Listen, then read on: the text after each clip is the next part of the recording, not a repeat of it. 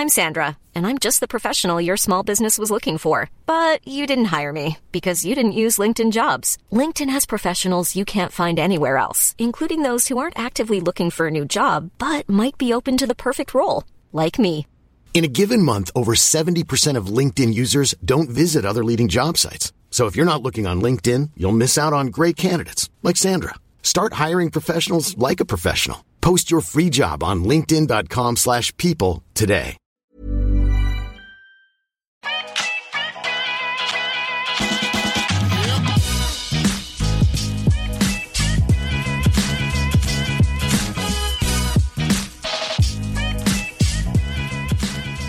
Idag träffar jag Johannes Hansen som är Sveriges främsta mentala rådgivare. Vi kommer att prata om hur man blir mentalt starkare, varför det är viktigt med mental träning. Vi pratar om kraften av meditation. Vi pratar om prestationskrav. Är det någonting dåligt? Jag kommer också att bjuda med mig av mina personliga mentala utmaningar och eh, problem som jag har. Jag hoppas att ni kommer tycka om det. Så mental träning, Johannes, vad är det? mental träning. Ja, vi kan ju börja med att prata om varför det behövs så blir det begripligare. Ja. Tänker jag vad, det är. Jag vet inte om du har upptäckt att, att livet är rätt svårt. Oh ja. Ja. Och tungt tycker jag är ett bra ord också. Mm. I många fall kan, kan livet vara tungt och det är komplicerat. Det är, det är mycket för många. Så livet är tungt, komplicerat och svårt. Och varför man vill engagera sig i mental träning och bygga mental styrka är därför att livet blir lättare. Mm. Och jag tycker att jämförelsen med fysisk styrka och gymmet är bra där. Därför att vi har, de flesta av oss, varit nere på ett gym och insett att vikter också ska vara tunga. Och om vi utmanar oss själva till att lyfta dem ändå och sen återhämta så blir det långsamt lättare. Det känns åtminstone långsamt lättare att, att lyfta vikter. Och det är inte för att vikterna har blivit lättare utan för att du har blivit starkare. Mm. Och så vill vi använda den liknelsen och tänka på att, att livets problem är motsvarigheten till vikterna på gymmet. Är det Oj. så? Man blir, ju mer man tränar desto starkare blir man egentligen. Precis, alltså det vill säga ifall du går med på att utmana dig själv i livet kring problem, närma dig dem, Mm. så kommer du att långsamt känna att livet blir lättare. Så det är därför vi vill hålla på med mental träning. Vad är det sen då, då i praktiken? Ja, men det är ju en serie, precis som en bra PT på gymmet ger dig övningar och tekniker, så är det en serie, en verktygslåda med övningar och tekniker, tankesätt, som du använder för att hjälpa dig själv att träna och se på livet lite annorlunda och sen kunna känna att det är lättare Mm. på sikt. Och, och jag tycker att en, ett värdefullt perspektiv här också blir att förstå vår hjärna. Därför att om vi ska göra det väldigt enkelt så kan vi se två delar av hjärnan. En del som tänker långsiktigt, planerar, eh, förstår och kan zooma ut. Och så har vi en del som är lite mer känslomässig och instinkt och som reagerar på saker. Och det vi vill göra genom att träna oss själva är att låta den som kan zooma ut och planera och vara logisk fatta beslut åt oss i större utsträckning än att reagera. Mm. Så vi blir det make sense? Ja, ja. Så det, det, vi, det, vi, det vi jobbar med i mental träning är att långsamt både hitta verktygen och perspektiven som gör att vi känner en större, kalla det för kontroll eller trygghet i oss själva. Och att bli, som jag brukar formulera det, smartare än våra känslor i många av situationerna där det är jobbigt och tufft. Och hur vet man liksom om man blir starkare mentalt? Hur märker man det? För jag, jag tittar ju mycket så här, eh, vi pratade lite om det innan, Youtube-videos. När jag känner så här att jag har vaknat upp och har mycket negativitet. Jag tänker i dåliga banor eller ganska hård mot mig själv eller sådär. Och då brukar jag börja dagen med, med att träna och då tittar jag på eh, positive mind shifting på Youtube. Typ. Jag har hittat några Yeah, yeah, favoriter. jag förstår. Men jag vet inte fan om det hjälper på lång, eh, så långsiktigt eller hur, hur vet man det? Ja, här måste vi utgå från dig. Mm. Därför att du ställer frågan på om du blir starkare eller inte. Jag känner ju inte dig, jag vet inte vad, du- vad, vad du gör på dagarna, varför du behöver styrka och vad det är du vill komma över i det här fallet. Så bli ännu mer konkret, för då kan jag nog ge värde. Men om man vaknar upp och en, eh, man är högpresterande människa inom jobbet exempelvis. Ja. Så vaknar man upp och tvivlar på sig själv. Kommer jag klara det här? Jag har en stor presentation idag eller jag ska eh, träffa ägaren för bolaget och pitcha en stor idé exempelvis. Ja, om du är en person som vill bli bättre på någonting, Mm. du gör karriär och du har höga ambitioner, så kommer du ju att regelbundet behöva utsätta dig själv för saker som du inte har gjort tidigare. Mm. Presentationer som är nervösa. Mm. Du kommer riskera att inte uppfattas så bra som du skulle vilja. Du vill ta dig an projekt som är svårare än du gjort tidigare. Och det här är väl en bra liknelse återigen till gymmet. Du fortsätter lägga på dig mer vikter. Mm. Och när du gör det och har höga ambitioner, då är en konsekvens av att du lägger på dig de här vikterna någonting som vi skulle kunna formulera som prestationsångest. Mm. En bättre översättning skulle kunna vara mjölksyra. Ja.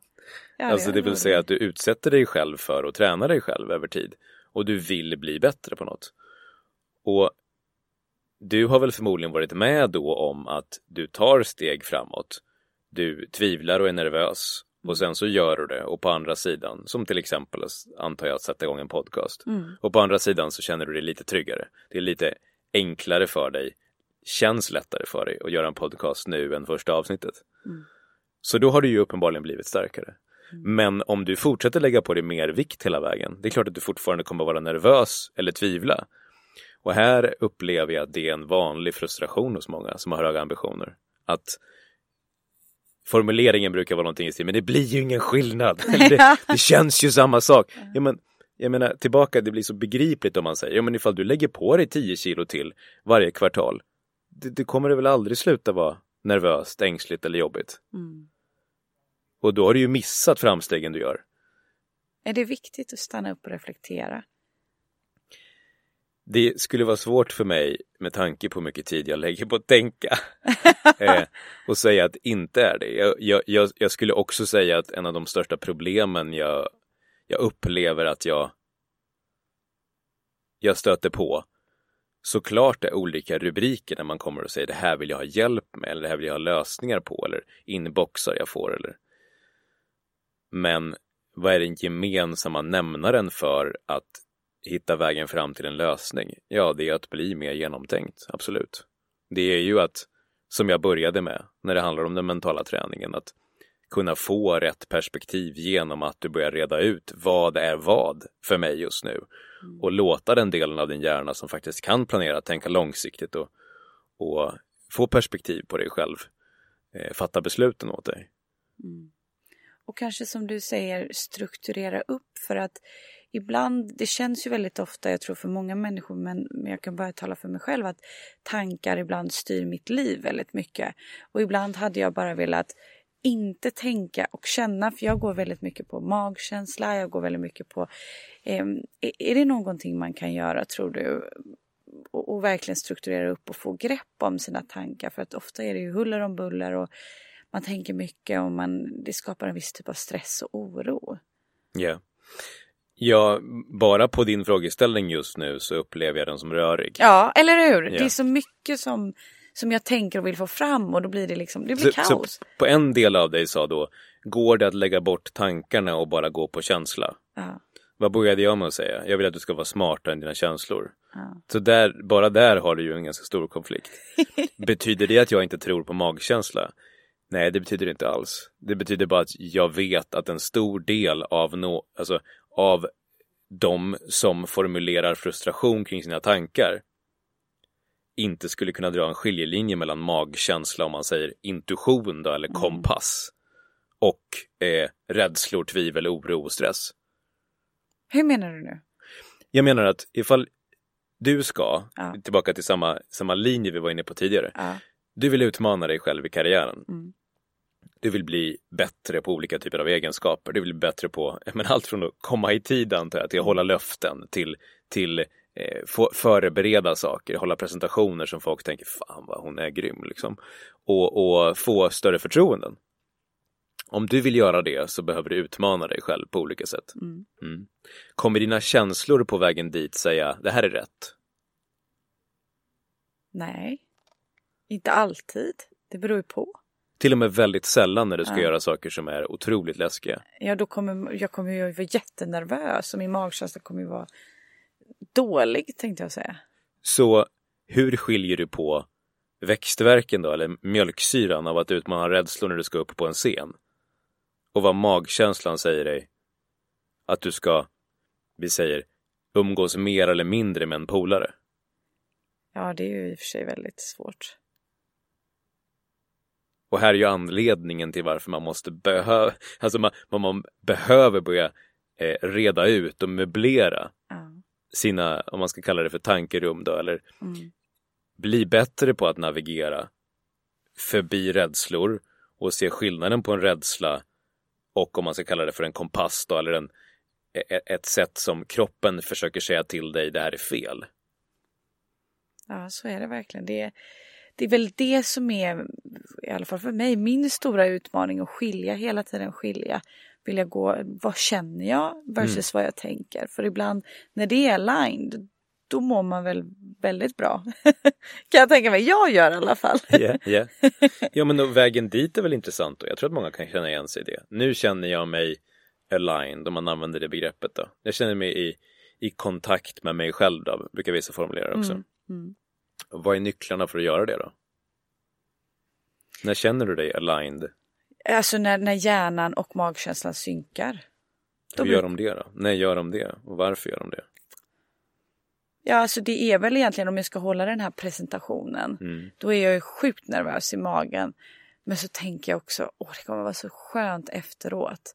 Och min hjärna, i magkänslan. Sen säger min hjärna, du måste göra det här för det förväntas av dig. Chefen kommer bli nöjd om du gör en jäkligt bra presentation. Och så vidare och så vidare. Då känner jag mig aligned. Eller är det helt galet att tänka så? Jag tycker fortfarande att det är rörigt. det är rörigt! alltså, för att göra det jättekonkret återigen då. När, om vi skulle sätta en serie dioder på din kropp och börja mäta liksom, Ja. hjärna och kropp och sådär. Och, och för något sätt försöka eh, jobba dig mot alignment säger vi. Till, hur får man dig dit liksom? Ja, men en sak vi skulle märka är ju att det limbiska systemet eller amygdala och hela rädslo liksom, paketet har ju lugnat ner sig. Det vill säga, du är ju mycket större utsträckning, om man kallar det för det då, lugnare, mer harmonisk, har mer självdistans.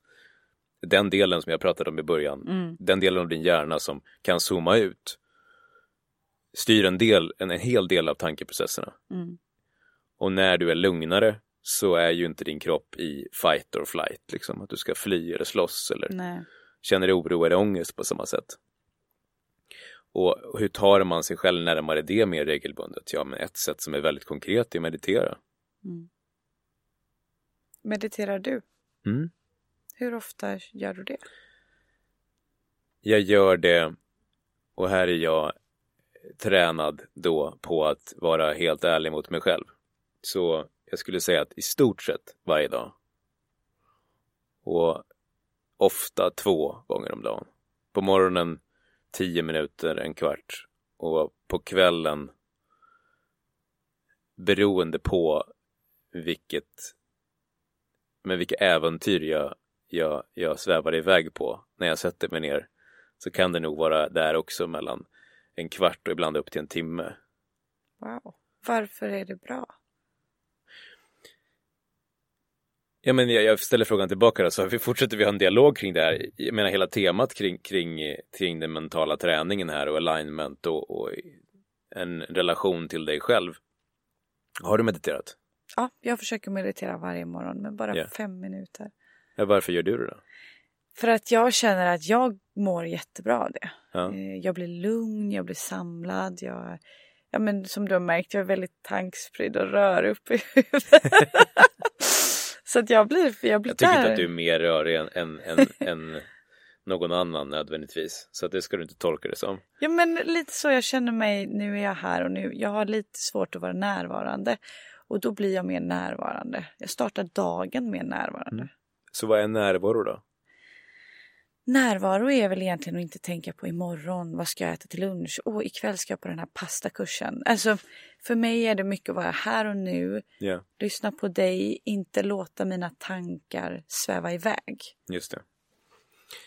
Och att inte vara i reaktion då. Mm. Jag menar, vanliga formuleringar är väl att inte vara imorgon som sagt, eller Mm. igår liksom, utan landa här.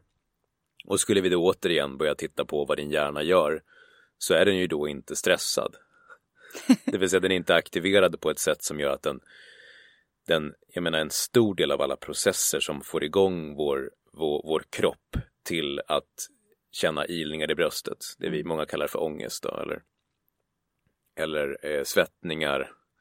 Och att inte vara på plats i kroppen om man säger så, är ju en aktivering på olika sätt av ett stresssystem. Mm. Och det du gör då är att du, beroende på vilken teknik du använder, det, det finns ju olika typer av tekniker. Mm. Vissa mediterar på, om man ska kalla det för fältet av att man går ut i en, i en känsla av att man är ett med allt. Vissa har en mer single point eh, meditation som är att man fokuserar på en sak. Jag kör ju noting väldigt mycket. Som, som finns eh, i appen Headspace som Ja, jag brukar tipsa om. eh, Headspace använder jag. Ja. Och i, i det programmet som heter Managing Anxiety Mm. så lär du dig noting-tekniken. Du behöver inte känna ångest för att, för att vara bra på den. Det är samma teknik som jag skriver om i boken, Starkare. Mm. Och det du gör eller tränar på i den är att du tränar på att inventera kan man säga, både dina tankar och dina känslor. Och vad som händer då är att du får en större distans till dem. Träningen du vill göra, om man ska gå hela vägen på meditation som koncept, så handlar det om att kunna vara eh, åskådare till eller observatör till dina tankar och dina känslor Mm. och inte fastna i dem. Inte hooka vid dem och åka med dem, eller hur? Eh, Meditation ser ju ganska lika ut i själva tekniken av att du sitter ner, du andas, fokuserar på din andning och sen så bär du iväg till någon tanke. Och sen ska du tillbaka till andningen så fort du inser att just ja, nu är jag Mm. tankspridd igen. Tillbaka till, till andningen. Ja just ja, fan nu tänker jag på något, har jag tänkt länge på någonting, tillbaka till andningen. Och så Ja. fortsätter det sådär. Jag tycker att en bra bild är att du sitter i en slänt eh, ner mot en motorväg och så ser du en massa bilar passera. Och sen så är din uppgift att, att observera linjen rakt framför dig på bilarna. Bilarna bara passerar och så ser du vilka som åker förbi. Mm. Inte fastna vid en. Där är en röd och så åker du med den i liksom, en halv kilometer. Och sen gå tillbaka till det är här, den här linjen jag håller. Och genom att göra det regelbundet så helt plötsligt så känner du ofta en känsla av release när din hjärna inte längre vill åka med. Mm. Och då känner många den här eh, tillfredsställelsen i kroppen. När man känner sig som ett med sig själv och ibland med ett med någonting större. Och sitter du kvar där i det tillståndet länge och sen så märker att då kanske om bilarna åkte förbi väldigt snabbt i början så efter en stund så, så kanske det kommer en bil som du hookar vid var tredje minut kanske. Då har du ju blivit väldigt skicklig på det. Mm. Och då upplever du att kroppen också går djupare. Så att det som är ett vaket tillstånd blir lite mer ett drömlikt tillstånd. Mm. Och vad människor som är väldigt rutinerade i meditation kan göra då är, ju att kroppen till och med till slut somnar och du är vaken inuti. Ja. Där är vi inte än riktigt för min del. Men, eh, Inte? nej. men, men det är ett mål. För att jag var en sån... Är det ett mål? Ja, alltså. och- Intressant. Jag, jag, jag vill verkligen bemästra det här för att jag har varit en sån som skrattar åt meditation. Och Ah. yoga och liksom jag var så Spännande. här. Berä, men berätta om det, för det är kul. På, från, vilken, från vilken uppväxt, eh, bakgrund, eh, kompiskrets kommer du då? nog från det här handelshögskolan, man ska bli managementkonsult eller banker, jobba si så här många timmar, bla bla bla. Ja. Den, och en pappa som är, man ska bli ingenjör eller doktor för att vara duktig. Alltså lite Och hur så. ser man på meditation då? Alltså vad skulle vara formuleringen? Är den flummig eller är den liksom nästan svag och töntig liksom? tror flummig och svag. Ja, alltså, så här, man behöver inte det. Jag är mentalt stark ändå. Just det, just det. Det tror jag mycket. Att, så här, och, och det är väl den känslan jag också har fått av den skolan jag har gått lite när jag har studerat och sådär, Mm. men också hemifrån. Och, och det är intressant då att man inser nu hur mycket man, nu när jag har börjat meditera, hur mycket den hjälper mig meditationen. Att det är, att jag brukade vara en sån som skrattar åt det här och nu är det min största utmaning att bemästra meditation och faktiskt få in det och vara ärlig mot mig själv som du sa. Hur ofta faktiskt gör jag det? Gör jag det varje dag? Ibland fuskar jag och är sämst en vecka och det är okej liksom. Men, ehm, men jag tycker det är så, så härligt att höra varför det är viktigt och att man kan vara en högpresterare, en börs-vd och fortfarande meditera. Mm. Hör du det mycket att många skrattar åt meditation eller liksom hjälper det eller är det flummigt?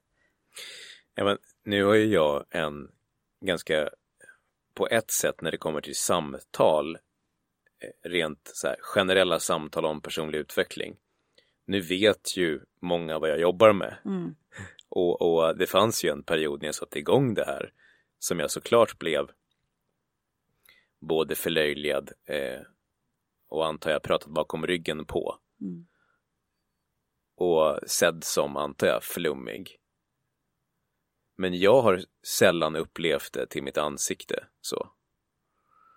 Och det tror jag också delvis har att göra med att jag är så passionerad och engagerad kring det. Mm. Men också sen starten har varit väldigt intensivt argumenterande kring varför man ska göra saker. Och det gör ju att, jag menar, det är svårt att säga till mig idag meditation fungerar inte. Liksom. Mm. Det är som att säga gravitation fungerar Ja. inte. Och jag, jag menar, överhuvudtaget säga jag tror inte på personlig utveckling. Jag menar, jag var ju på en plats när jag satte igång med det här där jag ville frälsa alla liksom. Jag var själv frälst och bara titta på det här, det är så jävla coolt. Alla de här grejerna man kan göra och titta vad som händer när man utmanar sig själv på det här sättet. Jag är ju inte på den platsen längre där jag, där jag känner så. Nu tycker jag ju att det är kul till och med i de styrelsemötena eller liksom advisory boardsen eller med de entreprenörerna jag sitter som kan så här vilja skicka pikar i min riktning. Mm. Eh, därför att det skapar en så bra Jag tänker så här Fan vad nice, nu öppnade du dörren, nu kör jag över dig. Mm. Ja men lite så. Eh, när, när vi då börjar diskutera meditation, ja men det, det där, det, det, det är helt obegripligt. Nej jag förstår det, därför att du är ju aldrig varit närvarande när jag träffat dig, säger jag då. Mm. Men då har jag aldrig varit närvarande. Nej, du är ju alltid på väg någonstans. Och det gör ju att du tar ju inte in din omgivning särskilt bra. Jag kan tänka mig att dina medarbetare är ganska besvikna på det. Mm. Jag har ju hittat mitt sätt att, att vara lite flörtigt slash liksom, Ja. eh, ja men pikande tillbaka. Och att så här, ja men jag förstår att du har problem med relationer. För du har väl förmodligen aldrig sett någon. Mm. Du ser ju bara dig själv. Ja. Så håller jag ju på. Med lite glimten i Ja men för jag tycker att det är roligt att på samma sätt som man då över lång tid har gått, liksom kommit undan med att förlöjliga det Ja. mjuka, om man ska kalla det för det. Ja. Så nu idag får vi, jag sitter ju med många super, alltså supervassa liksom people and culture ledare som har all data på varför vi behöver träna vissa egenskaper hos chefer Mm. och som visar med sina program att ifall vi kör meditation på chefsgruppen i två veckor så får vi ner känslan av stress med 50 procent. Mm. Jag menar, du behöver bara ett par sådana och sen så har du ganska öppet mål. Ja. Eh, så, så absolut, jag får väl kommentarer då och då, men väldigt sällan, om du förstår vad jag menar. Alltså, Jag raljerande på det sättet eftersom jag idag är, har ganska mycket av auran. Mm. Eh, jag är i rummet på grund av att du behöver det liksom. Exakt. Och jag brukar tänka så här, men gud vad synd att du går miste om det här. Alltså Mm. att du inte har upptäckt det här än. Så brukar jag tänka. För jag är lite som du, jag är frälst av vad det kan åstadkomma. Och då blir man så ivrig och försöker förklara det för mottagare som kanske inte alls vill lyssna. Och då blir jag så här, ah, synd för du har inte fattat grejen. Mm. Jag är lite frustrerad nästan. Jag förstår och jag menar det är en balansgång där. Det är en mm. stor balansgång i att och därför jag, jag, känner inte lika mycket av den känslan längre för att jag själv har terapeutat den ganska mycket. Just den här känslan av att vilja vilja påverka så starkt. Mm. Jag, jag, jag tycker att det är det kan eh, tippa över till, jag kan tänka mig att du kan relatera till det, när det, när det tippar över och det känns mer som att du vill tipsa andra för din egen skull. Mm. Eh, och när det händer, då skulle jag säga att det snarare börjar bli självupptaget. Att det är så här, jag behöver det här just nu, så det behöver du också. Eller, jag älskar den här idén så mycket, så att den behövs i ditt liv. Det är ju, ja men det är ganska självcentrerat och, och, och få för sig att man vet vad som är bäst för andra människor. Mm. Och, och det förstår du ju att någon som jobbar med det jag gör och, och bygger den ja, men innehållsplattformen som jag gör. Jag tycker att det är det är ett viktigt ansvar jag behöver ta att reflektera över vad gör jag eller vad vill jag sprida för min egen skull och vad är värdeskapande för andra. Mm. Jag tänker också att en gemensam nämnare som jag vill att vi ska gå igenom som nästan alla mina gäster har lyft. Yeah. Det är prestationskrav. Prestationsångest. Eh... Ska vi bara börja med prestationskrav? För nu, nu kommer jag, nu, sorry att jag avbryter. Ja, men det är, det är eh, helt okej. Vems? Bara så att jag förstår vad jag, hur jag ska tänka när vi fortsätter. Jag tänker lite ingen specifik person för att Men de... är, det, är det prestationskraven på dig själv? På, eller? Precis, på dig själv. Ja, okay. För inte det är det gästerna, nej yeah. inte från andra. Right. Yes. Utan någon har till exempel gått in i väggen för de hade för höga prestationskrav på sig själv och så vidare. och så vidare. Yeah. Det är ju väldigt vanligt idag. Absolut. Och vad skulle du säga för tips till de som har väldigt, väldigt höga krav på sig själv?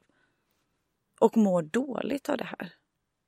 Ja, men det, det finns lager av det och, och, dels bara just att man börjar där. Att, att man kanske lyssnar på dig då, de andra samtalen och känner igen sig i det. Och jag skulle vilja att man gör det lite mer angeläget då. Mm. Att inte bara gå med på det eller åka med i det. Att så här, jag har jättehöga krav på mig själv och det är så och jag, eh, det är kört på något sätt. Jag kommer nog må dåligt över tid. För den uppgivenheten tycker jag kan vara sorglig. Mm när man bara bestämmer sig för att det är så och inte söker till lösningar.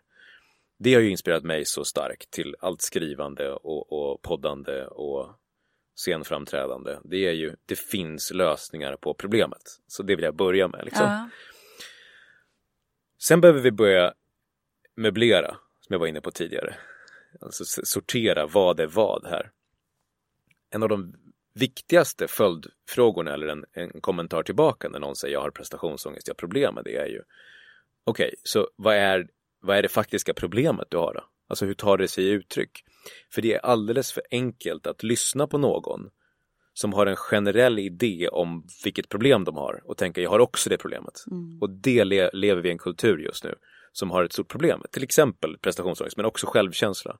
Ja, men jag har också dålig självkänsla. Jag sitter framför och generellt sett är den formuleringen ofta unga tjejer. Mm. Så sitter jag framför någon som säger, men jag måste jobba med min dåliga självkänsla. Jag säger, du har inte dålig självkänsla. Personen säger, va? Har jag inte? Nej, jag har suttit med dig en timme här. Jag skulle säga, på, de, på den profilen jag gjort på dig hittills och de frågorna jag ställer, nej, du har inte dålig självkänsla. Nej. Hur kan de tro så fel av sig själv? Ja, men hjälp mig där istället. Det är väl inte så svårt att tro så fel om sig själv om du följer ett par stora profiler, lyssnar på en serie poddar och någon berättar om sina problem. Du känner igen dig i dem. Mm. Och sen tänker du, jag måste ju också ha samma problem. Mm. En stor del av drivkraften som människa är att känna sig, inte känna sig ensam. Känna sig som en del av någonting. Och det är ju problematiskt för mig som vill jobba med en kultur mot styrka när vi börjar känna igen oss eller vill en ha en gemenskap med människor som har problem. Mm. Istället för människor som söker lösningar Verkligen. och tränar på lösningar. Men tillbaka på, på prestationsångest. Nummer ett. Om du är en person som jag kan tänka mig att du pratat med flera stycken här som är ambitiösa och som vill utmana sig själva. Vi pratade om det, dig som exempel nyss. Som, som gör saker som man inte gjort tidigare. Som har målsättningar som är större än vad man är idag. Och därför måste bli bättre om man ska kunna kvalificera för målsättningen, eller hur? Mm. Anledningen till att du inte har det du vill ha, resultaten du har än, är ju för att du är inte bra nog än. Mm. Du har, du har, inte kommit dit för att du inte tränat upp de egenskaperna, inte byggt de relationerna, inte tränat den säljtekniken om man pratar om det, inte, inte kunnat leverera konsekvent som man har byggt förtroendet som man får friheten man vill ha. Du är inte bra nog. Och då direkt så brukar jag träffa någon sån här system och tänker så att jag är värdelös med andra ord som människa. Nej, nu pratar vi inte om det. Vi pratar om egenskaperna för att kvalificera för målen. Mm. Du kan inte springa på under 10 sekunder än, så du kan inte få någon medalj. Alright, okej, okay, jag fattar det. Jag är inte bra nog än. Okej, okay, så hur gör man för att bli bra nog? Genom att ta på sig större vikter. Man måste utmana sig själv till att bli bättre på saker. Och att utmana sig själv kräver att man utmanar, alltså kräver att man, att man kliver förbi sina rädslor, sin trygghetszon. Och då aktiveras ju hela nervsystemet mm. av stress. Ja. Och det som de flesta slarvigt kallar för ångest. Så en stor del av prestationsångesten från många liksom, högpresterande eller människor som är ambitiösa är ju växtverk. Det är hur bra som helst. Mm. Det är okej, okay. du ska fortsätta ha den. Jättebra. Och jag skulle önskat att någon sa precis så här till mig när jag satte igång. Att ifall du har de enorma ambitionerna som du har Johannes. Du vill, du vill förändra så mycket och bli så jävla skicklig på det du gör. Du kommer ha prestationsångest typ dagligen i 15 år. Då hade det varit bra för mig att höra. Därför, det hade fått mig att snarare tänka på hur ska jag bli bättre på att hantera ångest? Istället för att fly den eller känna att det är fel på mig. Mm. Du vet. Exakt. Så det är en, en, ett perspektivskifte i hur vi ser på prestationsångest. Det är den första. Den andra i det här är att väldigt många som känner prestationsångest vet precis vad de borde göra, men de gör en jävla massa andra saker istället. Mm. Och det känner vi igen redan från skolan. Vi skulle plugga eller lämna in uppgiften och sen är vi ute och super med vännerna eller är uppe sent på natten och gör inte uppgiften och känner ångest där det är ju en ångest du förtjänar. Ja, gud vad jag kände igen mig där. om, om man krast säger att det här vill jag uppnå nu ja. och så gör du helt andra saker. Då ska du ju ha ångest. Mm. Och det tycker jag är så befriande för att det är så härligt skratt när jag är på högskolor och pratar så. Mm. När, när jag kan säga det, någon räcker upp handen och, och, och får den här känslan i publiken av att det är synd om personen. När de säger, men jag har sån ångest över det här. Och så pratar vi ett par minuter och säger, men du förtjänar ju ångest. Hörru, Hörru Patrik, vad fan pysslar du med? Det blir så jävla härligt därför att alla känner, ja det gör han ju, han förtjänar det, men det betyder jag också förtjänar min ångest, för jag gör ju fel grejer här. Sen kan du ju vara aggressivt hård mot dig själv och säga okej, okay, så därför är jag värdelös. Eller så kan du säga okej, okay, jag ska bli lite bättre. Mm. Så det är en annan del av prestationsångest också som alla klumpar ihop ett. Liksom. Ja, men precis och sen kanske man har tagit på sig alldeles för mycket och inte hinner. Ehm, då har man så många deadlines, då är det ju ja. en annan typ av sållning. Massor med löften, eller hur? Ja. Sen har vi den tredje som jag tycker är värdefull att komma ihåg här. Det finns ju såklart på riktigt en prestationsångest som begränsar dig väldigt mycket och som inte går över. Och det är ett känslomässigt problem man har, det vill säga tanke och känslomässiga mönster lirar inte riktigt. Ofta på grund av att man har vuxit upp i en miljö där man genom sina föräldrar eller genom sin uppväxt, alltså det vill säga tillsammans med vänner, eh, fått en känsla av att man inte är bra nog. Därför att man fått höra det oftast. Det är inte din egen inre röst som är kritisk. Det är att du har kopierat din omgivning, föräldrar, någon lärare eller tränares röst som mm. konstant tryck ner dig. Och den fortsätter gå på repeat i huvudet på dig. Och, och det gör ju att dels kommer du känna igen det att oavsett vad du uppnår så kommer du inte känna dig bra nog. För du kommer höja ribban precis när du är nära målet. Så du kommer inte få gå i mål för dig själv. Mm. Det är det ena av det. Och det andra är att oavsett vad du gör så känner du ingen skillnad. Alltså det vill säga, du undrar ens varför du ska prestera. Och sen kombinerat med det så känner du regelbundet att du inte duger eller att ifall du kommer nära någon som ger dig bekräftelse och säger att du är bra nog, tar du inte ens till dig det. Du tycker att personen verkar ljuga. eller liksom, nej, skärp dig liksom. Man vill inte ta in att det går bra. Och det är ju ett, ett känslomässigt problem du har. Och det ska du lösa genom KBT-terapi. Det är så, det finns ingen annan. eh, Men när du säger så här, varför skulle man vilja söka till något annat? Tänker Alltså- någon lättare lösning.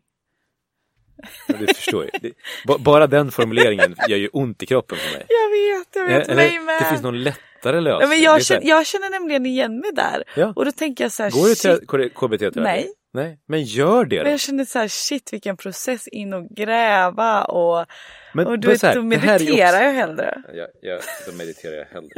Fan. Men det här, det här är ju mitt stora problem därför att nu pratar vi om psykologi så då är det känsligare för vissa. Men om vi håller kvar träningsliknelsen med gymmet. Jag menar, jag är ju, ser mig själv som en PT ofta mentalt. Men det är klart jag får vara besviken på dig då. Det är som att du säger, ja men jag vill ha lyfta 20 kilo. Men jag tänker fan inte börja på fem.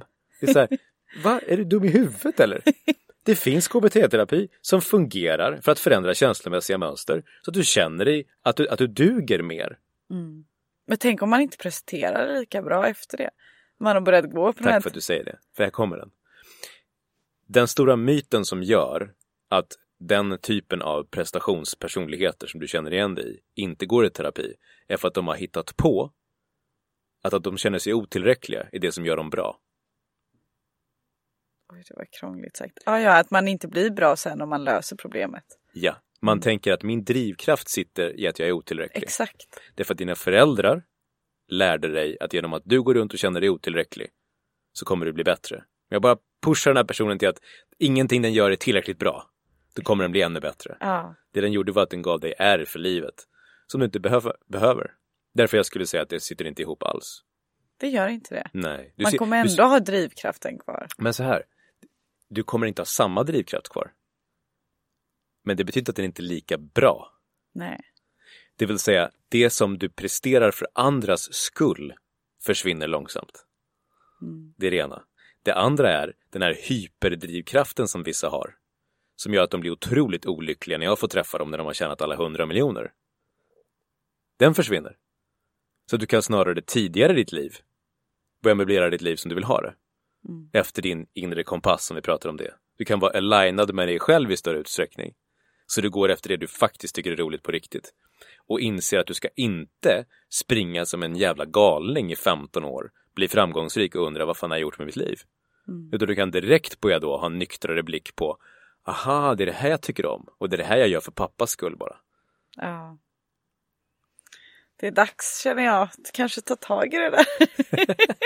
Ja, men en stor del av varför man är rädd för det är för att man, man har någon form av Den känner många igen sig tror jag. Man har någon form av rädsla för att ifall jag packar upp den här det här monstret eller liksom om jag, om jag lyfter på sängen då vet jag inte vad som kommer komma ut.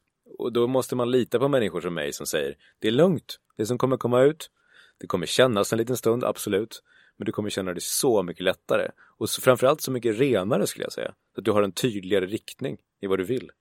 Ja, och jag tror att många är rädda för att så här, det kanske har gått så här bra på grund av att, man inte, att man har haft det som driv. då ska man lyssna på en person som mig som säger det har inte gått särskilt bra. Sant, sant. Men kan vi inte prata lite om eh, din bok Starkare? Absolut. Jag är nyfiken på den. Du har nämnt den några gånger nu. Vilka ska läsa den? Ja, men jag kan börja med bakgrunden till den. Ja. Jag har ju varit på turné i, i fem år nu i något, ett format som jag kallar för Open Session. Där jag både kör en del innehåll och pratar om vanliga livsproblem. Och hur man löser dem på samma, sam, samma sätt som jag var passionerad från början av att säga det finns ju lösningar på problem. Titta på det här, så här gör man liksom. Det börjar jag med. Så, så inspirerar jag kring det och berättar om hur jag själv har kommit fram till sådana insikter och sådär. Och sen så skickar jag ut mickar i publiken. Och sen så hjälper jag till att prata om hur man ska se på problemen och hjälper till i ett nästa steg på lösningar av dem tillsammans med personen som delar med sig. Så det är, och det är en så jävla fin stämning för att jag, människor är kärleksfulla på ett otroligt härligt sätt när andra verkligen bjuder på sig själva. Det är som att man, även om man inte själv känner igen sig i problematiken, så kan man verkligen uppskatta modet det krävs att dela med sig så sårbart. Liksom. Så det skapar en väldigt härlig känsla och det blir väldigt bra samtal. Det blir förvånansvärt bra samtal ska jag säga. Därför att det var ju den stora osäkerheten eller rädslan jag hade. Kommer folk våga? Alltså, våga dela med sig på det sättet? Kommer de säga hur det faktiskt är och så vidare? Och, och det tänker vi ju inte ens på eh, när, när, i genomförandet av det här, därför att det är så enkelt och det blir så bra samtal.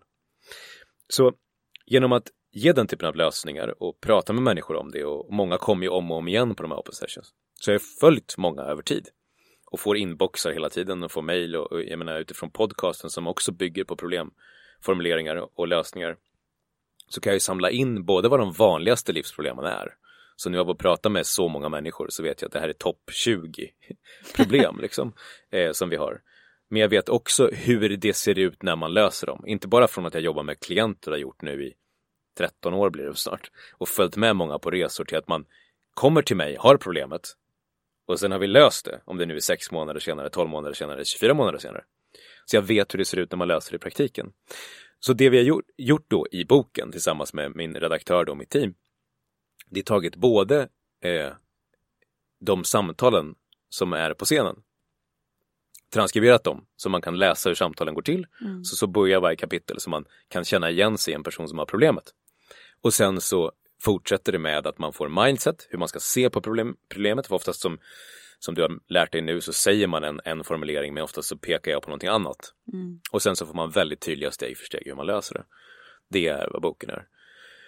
Så jag ville göra mental träning väldigt begripligt och hur gör man det då? Jo, genom att man tar de vanligaste livsproblemen och sen säger man så här löser man dem med mm. mental träning. Så det är boken. Vem är den för då? Ja, men dels är den ju uppdelad i olika delar. Det är familj och relationer, det är mål och karriär, det är driv eh, och det är självkänsla, det är stress och ångest. Så det finns olika, liksom, olika delar av och avsnitt. Så jag skulle säga att den är både för personen som är nörden som jag som vill, okej, okay, nu ska jag läsa och förstå allt. Liksom. Mm. Men den är också för en person som vill plocka ett eller ett par problem och ta dem steg för steg när man känner igen sig i dem och faktiskt jobba med boken för tydliga övningar. Men sen så ville ju jag med den här också göra den ännu mer tillgänglig och det är därför alla de här samtalen finns med. Du kan ju också läsa den bara för att du är nyfiken på vad har folk för problem i Sverige? Mm. Vad, vad, vad är de vanligaste livsproblemen och hur tar de sig i uttryck? Och när man pratar med någon då, man är, man är modig nog att ta en mikrofon i en publik. Ja. Hur formulerar man sitt problem? Och när han ger svar tillbaka och utmanar dig, hur går de samtalen till? Eh, det var ju mitt sätt att också göra det men för, för den delen av målgruppen som jag vet också är intresserad av personlig utveckling men kanske inte nödvändigtvis känner jag har ett stort problem jag måste lösa.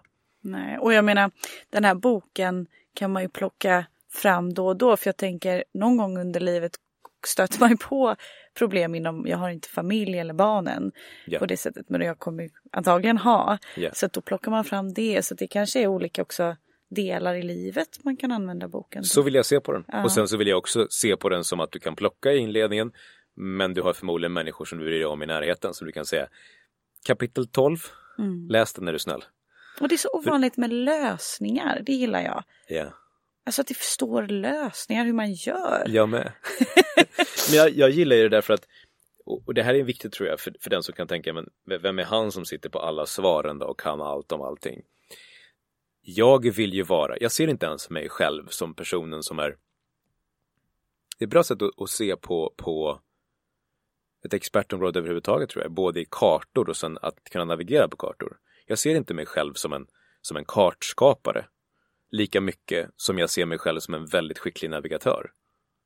Jag tar ramverk och kartor som är etablerade, beskriver dem utifrån det språket som jag har, som jag vet når fram för att jag varit duktig på att formulera mig över tid.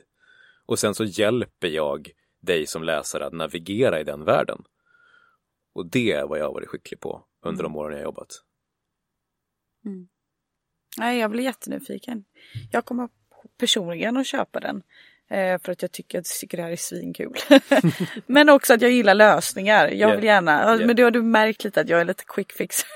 ja, du är quick fixer absolut. Och det är därför det är fint att några av lösningarna är inte quick fix ja. utan det är gör jobbet nu för helvete. Ja, precis. Den hårda vägen. Yeah, men eh, och hur hittar man eh, till dig annars Jannes? Om man är nyfiken på dig så här efter avsnittet och känner så här, honom vill jag träffa men jag menar alla har extremt begränsat med tid. Så, så hur yeah. gör man?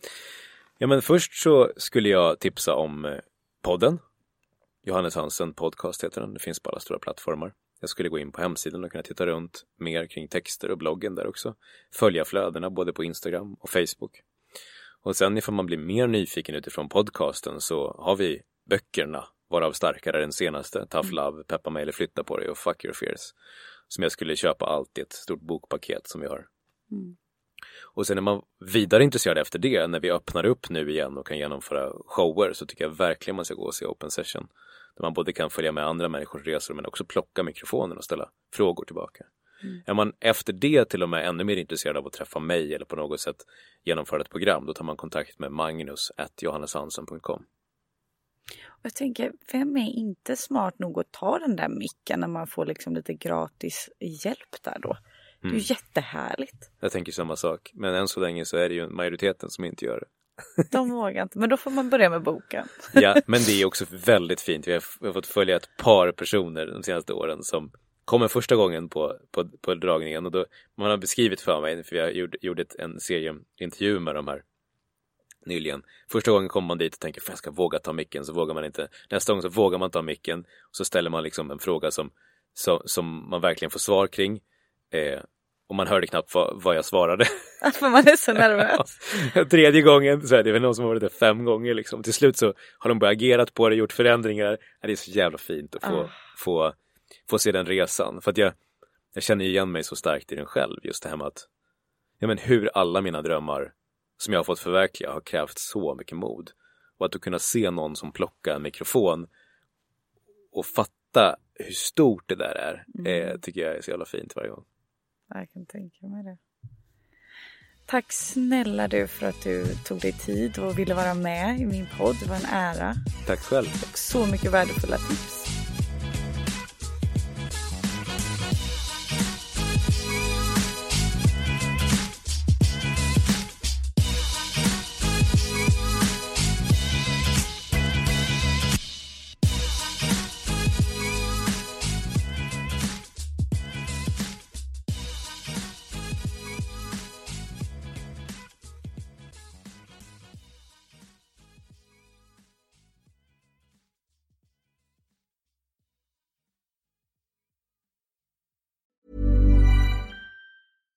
Deserves the best, and there's no better place to shop for Mother's Day than Whole Foods Market. They're your destination for unbeatable savings, from premium gifts to show-stopping flowers and irresistible desserts. Start by saving 33% with Prime on all body care and candles. Then get a 15-stem bunch of tulips for just $9.99 each with Prime. Round out Mom's menu with festive rosé, irresistible berry chantilly cake, and more special treats. Come celebrate Mother's Day at Whole Foods Market. Imagine the softest sheets you've ever felt. Now imagine them getting even softer over time. That's what you'll feel with Bowl and Branch's organic cotton sheets. In a recent customer survey, 96% replied that Bowl and Branch sheets get softer with every wash. Start getting your best night's sleep in these sheets that get softer and softer for years to come. Try their sheets with a 30-night guarantee. Plus, get 15% off your first order at bowlandbranch.com. Code BUTTERY. Exclusions apply. See site for details.